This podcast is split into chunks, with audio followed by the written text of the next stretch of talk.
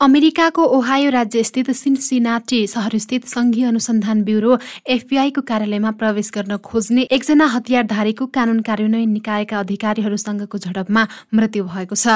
बिहिबार हतियार बोकेका एकजनाले एफबीआईको कार्यालयमा जबरजस्ती पस्ने प्रयास गरेका थिए। ती हतियारधारीले कार्यालय प्रवेश पूर्वको सुरक्षा प्रक्रिया उल्लङ्घन गरेपछि केही बेर भनाभन भएको थियो। सुरक्षा अधिकारीहरूले सम्झाउने प्रयास गर्दा ती हतियारधारीले गोली चलाएपछि जवाफी कार्यवाहीमा उनको मृत्यु भएको अमेरिकी सञ्चार माध्यमले जनाएका छन्। घटनास्थलमा नै ती हतियारधारी संदिग्धको ज्यान गएको ओहायोको प्रहरीले जनाएको छ। कानून कार्यान्वयन इकाइका अधिकारीहरूले ती संदिग्धलाई छलफल तथा कम घातक रणनीति अख्तियार गरेर नियन्त्रणमा लिने प्रयास गरे पनि उनी त्यहाँबाट भागेको र पुनः पक्राउको प्रयास गर्दा गोली प्रहार गरेकाले सुरक्षाकर्मीहरूको जवाफी कार्यवाहीमा उनी मारिएको प्रहरीको भनाइ छ।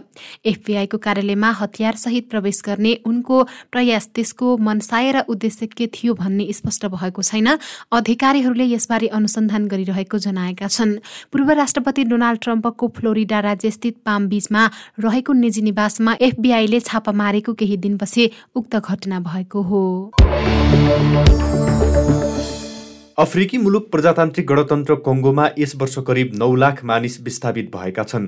संयुक्त राष्ट्रसङ्घको मानवीय निकायले देशको पूर्वी भागमा जारी विद्रोही लडाईँका बीच यो आँकडा सार्वजनिक गरेको हो। हालै प्रकाशित एक प्रतिवेदन अनुसार संयुक्त राष्ट्रसङ्घ मानवीय मामिला समन्वय कार्यालय ओसिएचले जनवरी र जुन महिना बीच आठ लाख सतहत्तर हजारभन्दा बढी मानिस विस्थापित भएको बताएको छ।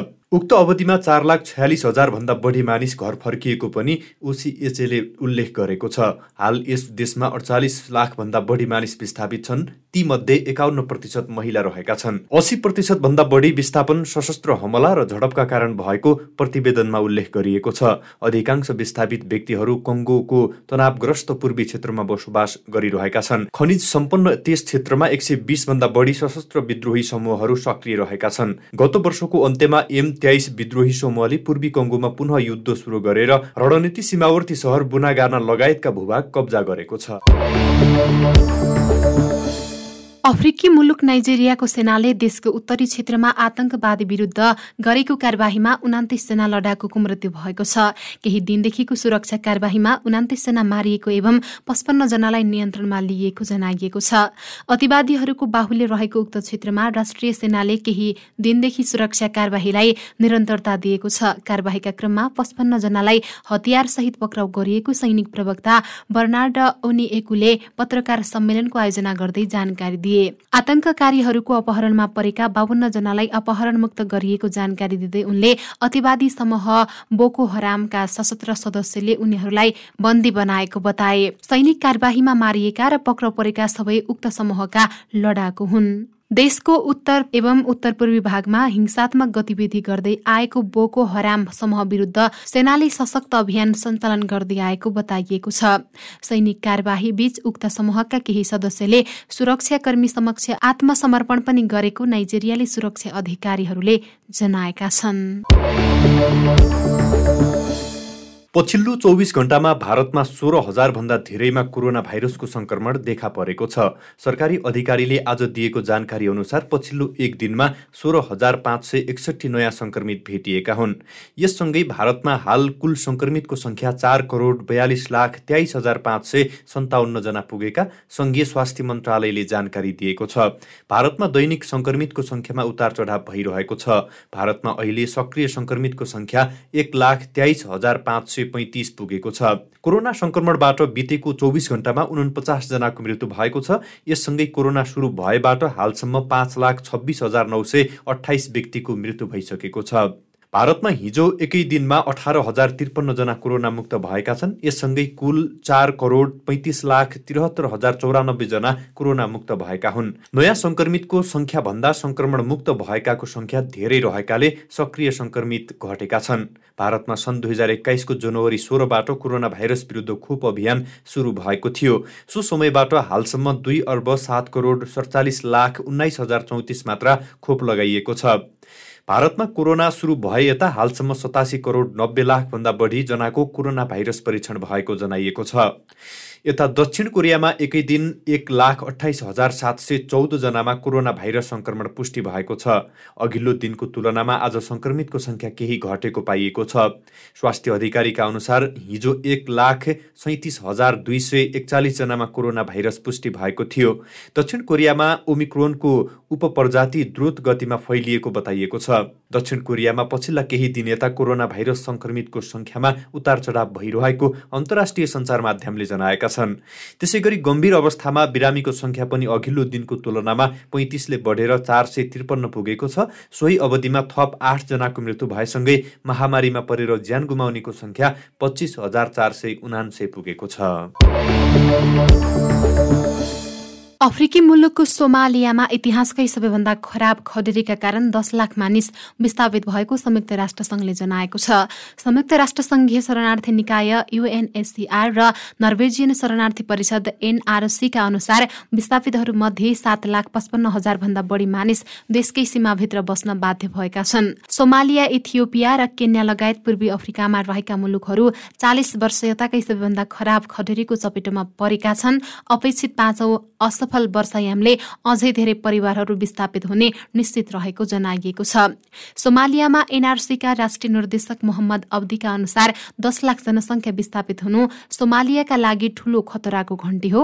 उनले भने भोकमरीले अहिले सिङ्गो देशलाई पिरोलेको छ। हामीले धेरैभन्दा धेरै परिवारहरूले घरसहित सबै कुरा छोडेर जान बाध्य भएको देखिरहेका छौँ किनभने उनीहरूको गाउँमा पानी वा खानेकुरा बाँकी छैन। धेरै ढिला हुनुभन्दा पहिले नै तत्काल सहायता कोष बढाउन आवश्यक छ।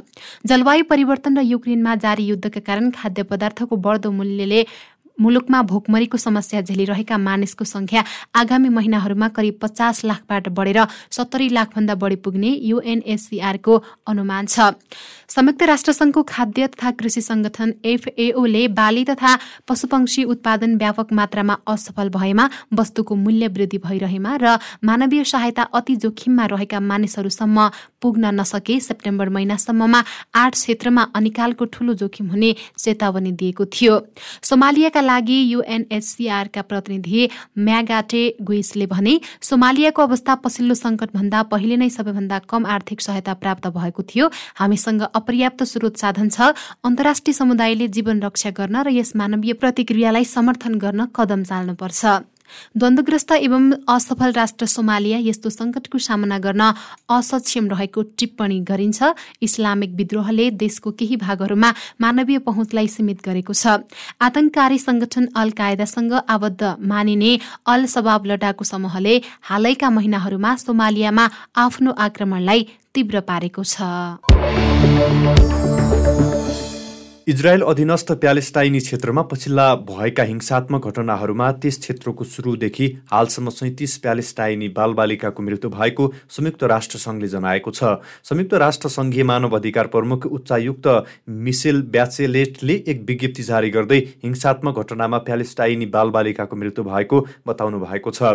द्वन्द्वको क्रममा कोही पनि बालबालिकालाई चोट पुग्ने विषय चिन्ताजनक रहेको र यस वर्ष धेरै बालबालिकाको हत्या एवं अङ्गभङ्ग समेत पारिएको गरेको घटना अव्यावहारिक भएको उल्लेख गरिएको छ।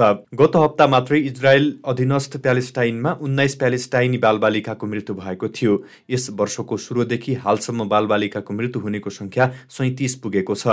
गत साताको अन्त्यमा इजरायली सेनाले गाजामा गरेको आक्रमणमा सत्रजना बालबालिकाको मृत्यु भएको थियो। मङ्गलबार अधीनस्थ वेस्ट बैङ्कमा इजरायली कारवाहीमा थप दुई बालबालिका मारिएका अल जजिराले जानकारी दिएको छ। प्यालेस्टाइनकै गाजामा इजरायली आक्रमणमा भारी संख्यामा सर्वसाधारण मारिएका छन्। शुक्रबारदेखि आइतबारसम्म तीन दिनको आक्रमणमा मारिएका अडचालिस प्यालेस्टाइनी मध्ये कम्तीमा बाइस जना सर्वसाधारण रहेका र ती मध्ये सत्र बालबालिका र चार महिला भएका संयुक्त राष्ट्र मानव अधिकार कार्यालयले पुष्टि गरेको छ। इजरायली आक्रमणमा एक सय एकाउन्न बालबालिका अन्ठाउन्न महिला र उन्नाइस वृद्ध सहित सर्वसाधारण नागरिक घाइते भएका छन्। इन्डोनेसियाले देशमा दस लाख नरिवलको बिरुवा रोप्ने योजना बनाएको छ। राष्ट्रपति जोको बिडोडोलेको बिहिबार भएको मध्य जाभा प्रान्तको भ्रमणको क्रममा सो कुरा सार्वजनिक भएको हो।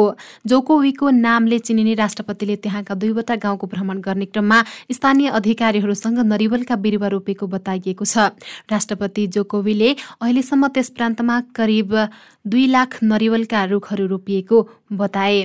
अहिले यो सुरु मात्र गरेका छौँ करिब दस लाख नरिवलका बिरुवा रोप्ने लक्ष्य छ। उनले भर्चुअल पत्रकार सम्मेलनमा सो कुरा उल्लेख गरेका छन्।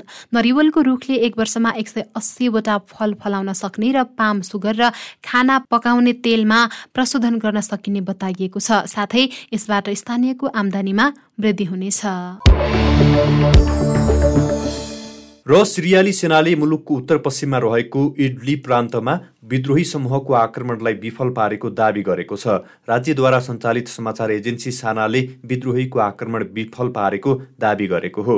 सेनाले विदेशी नागरिकता भएका लडाकु मिलेका आतंकवादी समूहले नैराब क्षेत्रबाट इडलिपको पूर्वी ग्रामीण इलाकामा लुक्ने प्रयासलाई विफल पारेको जनाएको छ। इडलिप सिरियाली विद्रोहीको प्रमुख गढ मानिन्छ। यद्यपि केही ग्रामीण क्षेत्र सरकारी नियन्त्रणमा रहेका जनाइएको छ।